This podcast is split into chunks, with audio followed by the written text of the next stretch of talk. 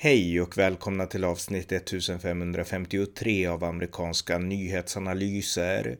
En konservativ podcast med mig, Ronny Berggren. Dagens datum är den 11 maj 2022 och idag så besökte Sverige av Storbritanniens premiärminister Boris Johnson som träffade statsminister Magdalena Andersson på regeringsresidentet i Harpsund och där skrev under en solidaritetsförklaring inför Sveriges troliga NATO-anslutning. De höll också en gemensam presskonferens. So, welcome all, and it's a pleasure for me to welcome the Prime Minister, Boris Johnson, to Sweden, and particularly to uh, Harpsund. I'm very happy to, to have you here. And uh, there is a mutual desire to deepen our cooperation, not at least on foreign security and defense policy. And today, we are taking another step to strengthening our bilateral defense and security cooperation at the strategic level. And I'm very happy that you have come here today for the signing of our bilateral political declaration of solidarity. And the Prime Minister and I have agreed to face challenges in peace, crisis, and conflict together. And if either country should suffer a disaster or an attack, the United Kingdom and Sweden will assist each other in a variety of ways. The support will be given on request from the affected country and may include military resources. And President Putin thought he could cause division, but he has achieved the opposite. We stand here today, more united than ever, and with the ambition of strengthening our bonds even more. So please, Boris, the floor is yours. Well, thank you very much, Prime Minister Anderson. Thank you, Magdalena. And thank you for having me your absolutely beautiful Harpsund uh, retreat. Uh, uh, uh, breathtaking and uh, great to be back in Sweden and great to see you again. This week, many of us have been paying tribute to the brave men and women who secured victory and peace in Europe 77 years ago. And so it's a sad irony that we've been forced uh, to discuss how best to fortify our shared defences against the empty conceit of a 21st century tyrant. When Europe celebrated VE Day in 1945, a victory that was, of course, uh, in no small part ensured uh, by the heroism of the Russian people, we hoped that peace on our continent would endure. Well, Putin's bloodthirsty campaign against a sovereign nation has put an end to that hope. And we face a new reality, but one that we face together. Throughout this conflict, our Nordic partners have been leading international support, not just for Ukraine, uh, but also for European security. From sending defensive weapons and equipment to bringing together international partners and standing shoulder to shoulder with us in the UN, uh, the Human Rights Council, uh, the ICC, the International Criminal Court. The war in Ukraine is forcing us all to make difficult decisions. But sovereign nations must be free to make those decisions without fear or influence or threat of retaliation. So I'm very pleased today uh, with you, uh, Prime Minister Anderson, uh, to sign this mutual security assurances declaration. Här analyserar jag betydelsen av Boris Johnsons besök. Varmt välkomna. Ja, det här är alltså den stora NATO-veckan där de flesta frågor kommer att slutavhandlas i såväl Sverige som Finland. Och eh, idag så kom Storbritanniens premiärminister Boris Johnson till Sverige. Det är ett besök som är avslutat ganska nyss och eh, han kommer också att resa vidare till Finland idag. Och eh, i Sverige så träffade han alltså Magdalena Andersson och skrev under det här, eh, den här ömsesidiga solidaritetsförklaringen som innebär att eh, i händelse av krig eller andra former av attacker så kommer våra respektive länder, Storbritannien och Sverige, att bistå varandra. Och för Sveriges del så handlar det om att få militärt bistånd från det som ändå är Europas starkaste militärmakt och den näst starkaste militärmakten efter USA inom NATO. Och eh, för Storbritanniens del så handlar det om att sluta ett avtal eh, som eh, ja, ger säkerhetsgarantier också ömsesidigt. För på grund av Brexit så har ju Storbritannien inte, de är inte med i EUs liksom säkerhetsklausuler längre, utan de har NATO och sen så får de sluta bilaterala avtal. Så det här är ett avtal som på olika sätt gynnar båda respektive länder. Och det här äh, mötet, besöket, det visar också att Sverige har kommit väldigt långt i processen mot att gå in i NATO. Och man kan väl ändå säga att nu kan man nästan ta för givet att Sverige kommer att ansöka om att gå med i NATO. Eh, Socialdemokraterna kommer att meddela sitt besked först på söndag den 15 maj, men eh, inget tyder på något annat nu. Och jag läste också att eh, i morse läste jag om det var i DN att Jan Eliasson, den här gamla socialdemokratiska profilen som har varit mot NATO, precis som i princip hela socialdemokratiska partiet har varit i så gott som hela sitt liv. Han har nu svängt och eh, ja, han får väl tillstå då att vi måste gå med. Och eh, Peter Hultqvist, vår försvarsminister, han har också sagt att, eh, att ett nordiskt samarbete är bra, det jag pratade om i, i gårdagens podd.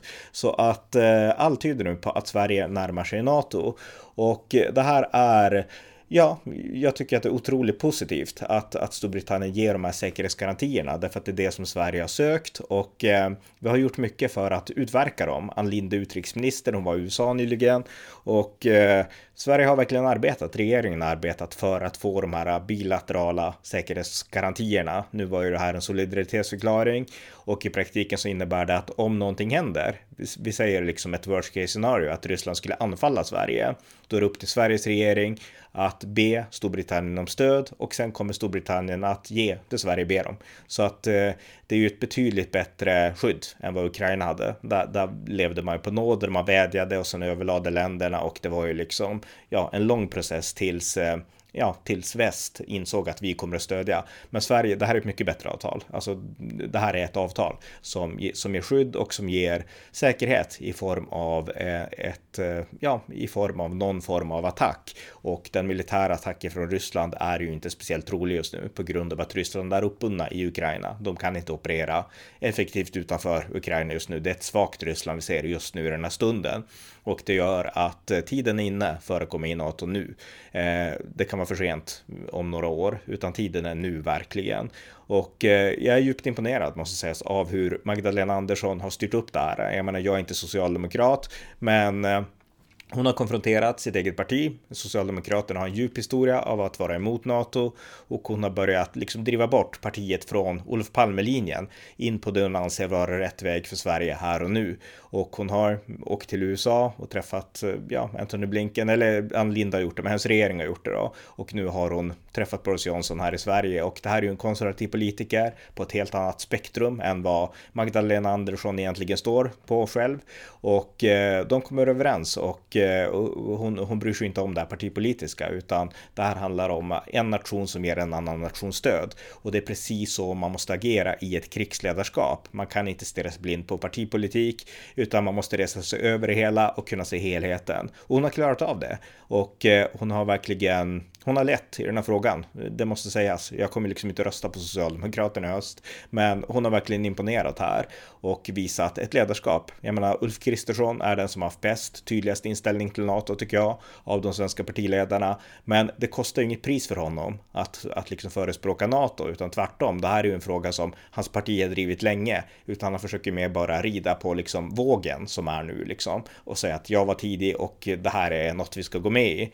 Eh, Sverigedemokraterna de har rört sig helt i rätt riktning. De har verkligen ändrat sig från att vara ett mot NATO till att bli för med förbehållet att Finland går med. Det är en, det är en positiv ändring. Jimmie Åkesson har verkligen Ehm, eh, växlat upp sen liksom, ja, tidig februari och sådär. Det är inte längre liksom Biden eller Putin, utan han har växlat upp och han har visat en tydlighet här som jag är väldigt nöjd med. Men det riktiga ledarskapet har ändå inte synts inom SD här. Det är inte så att de har drivit tydligt, tydliga moraliska ställningstaganden eller visat att de kan anföra ta rollen som en ledare i det här kriget som pågår nu mot Europa.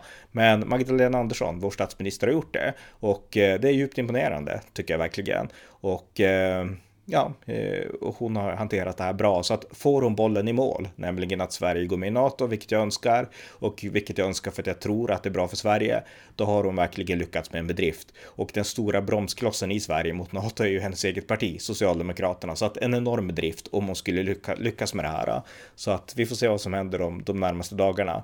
Men återigen, det här är alltså en solidaritetsförklaring som ger länderna där vi ger varandra ömsesidigt stöd och eh, det är förmodligen ingen, eh, det är ju en jättestor grej för oss det här och eh, det är en stor grej för Storbritannien också, men såklart en betydligt större sak för Sverige.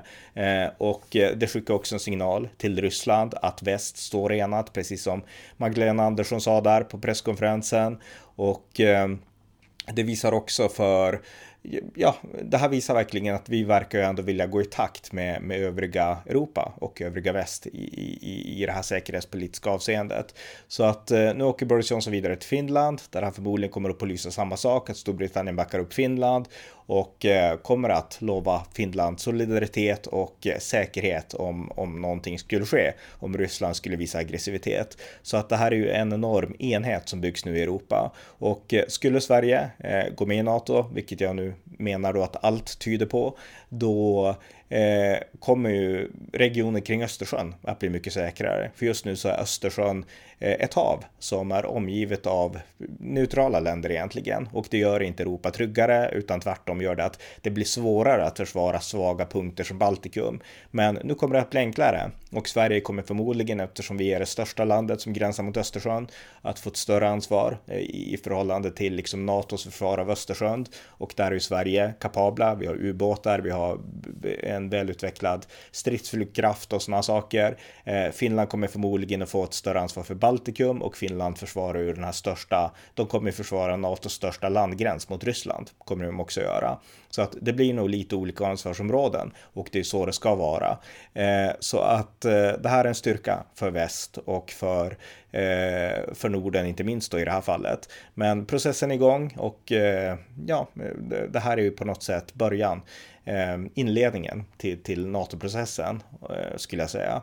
Så att det är ett mycket lyckat besök och eh, det finns säkert mycket mer att säga i säkerhetsaspekter här. Min kollega John Gustafsson är ju den stora experten på brittisk politik och han skulle kunna analysera Boris Johnson och hans betydelse och hans tankar betydligt bättre än jag kan. Men han hade inte tid att vara med idag i det här avsnittet och jag vill göra ett avsnitt just idag eftersom det här nyss har hänt så att eh, det här var mitt take på det hela. Jag tyckte också att det var intressant att Boris Johnson gjorde paralleller till andra världskriget väldigt tydligt och eh, det är viktiga paralleller och helt korrekta paralleller. Men det är intressant därför att Sverige i vår politik gör vi ju nästan aldrig paralleller till andra världskriget och gör vi det så är det till Hitler och vad hemskt det var ungefär och det blir ett nytt 30-tal. Men Boris Johnson, han gjorde liksom mer djupa paralleller och det visar verkligen skillnaden på Sverige och Storbritannien men även Sverige och övriga Europa. Vi har inte samma förhållningssätt till andra världskriget. Det är inte ett avstamp för oss på samma sätt som det är för stora delar av Europa, för att vi var inte med, vi höll oss undan. Så att eh, det är rätt intressant att se hur man pratar om det här på olika sätt. Eh, det var ju häromdagen då, den 8 maj, 77 år sedan som andra världskriget tog slut och det uppmärksammas ju hela Europa. Men här i Sverige så blir det som mest kanske en artikel i någon tidning, i DN eller SvD eller någonting. Men sen blir det inte så mycket mer därför att andra världskriget är någonting som vi, vi har inte samma personliga förhållande till det här kriget som många andra länder har, inklusive Finland och Norge och Danmark också. Så att eh, det, ja, det var bara en intressant eh, skillnad, eh, en iakttagelse jag gjorde där när jag såg presskonferensen. Men superkul att Boris Johnson kom till Sverige. Och det här är ju en vänskap som jag totalt förespråkar, en starkare band till den anglosaxiska världen. För det är där den moraliska och militära styrkan finns. Jag menar sympatin, solidariteten, den får vi från hela Västeuropa och hela Europa. Men musklerna som verkligen krävs och de moraliska övertygelserna som krävs för att använda musklerna när det verkligen hettar till. De går i princip bara att finna i den anglosaxiska världen och eh, ja, Storbritannien och USA. Så att det här är ett steg helt i rätt riktning och eh, nu får vi se de kommande dagarna vad som händer och imorgon så kommer Finland den 12 maj att pålysa sitt beslut, hur de ställer sig till NATO. Eh, på fredag kommer riksdagens eh, säkerhetspolitiska rapport i Sverige att eh, offentliggöras och på söndag kommer Socialdemokraterna att meddela vilket beslut de har fattat och sen på tisdag tror jag så kommer Finlands president att besöka Sverige. Så att det här, allt tyder nu på att vi går in i NATO och processen har gått steg för steg för steg, men den har ändå gått sakta men säkert framåt. Sakta men säkert är ett begrepp som, som jag tycker ändå passar för att beskriva den här processen. Och återigen, det är faktiskt Magdalena Andersson som verkar ha lett den här processen. De här sakta men säkert framåt. Hon har inte liksom ivrat in som många tycker, utan hon har fört samtal med sitt parti och samtidigt verkar hon ha varit tydlig och byggt de här bilaterala relationerna som jag ändå efterlyste tidigt i det här skedet när jag tyckte att regeringen borde skynda sig med att skicka representanter till USA och liknande. Och det har skett nu och eh, vi börjar se resultatet. Så att det här är mycket hoppfullt och det är hoppfullt för fredens skull. Därför att fred skapas inte när man eh, ja, lägger sig platt eller smörar eller på något sätt gör sig inställsam mot diktatorer som Putin, utan fred skapas när de goda är starka. Det är en grundläggande republikansk, amerikansk, brittisk, anglosaxisk princip och även Sverige tycks inse det nu och det är mycket glädjande. Så att det var mitt korta take på Boris Johnsons besök i Sverige och eh, det kanske kommer djupare analyser framöver tillsammans med John, men det var allt för den här gången. Ni har lyssnat till det senaste avsnittet från amerikanska nyhetsanalyser.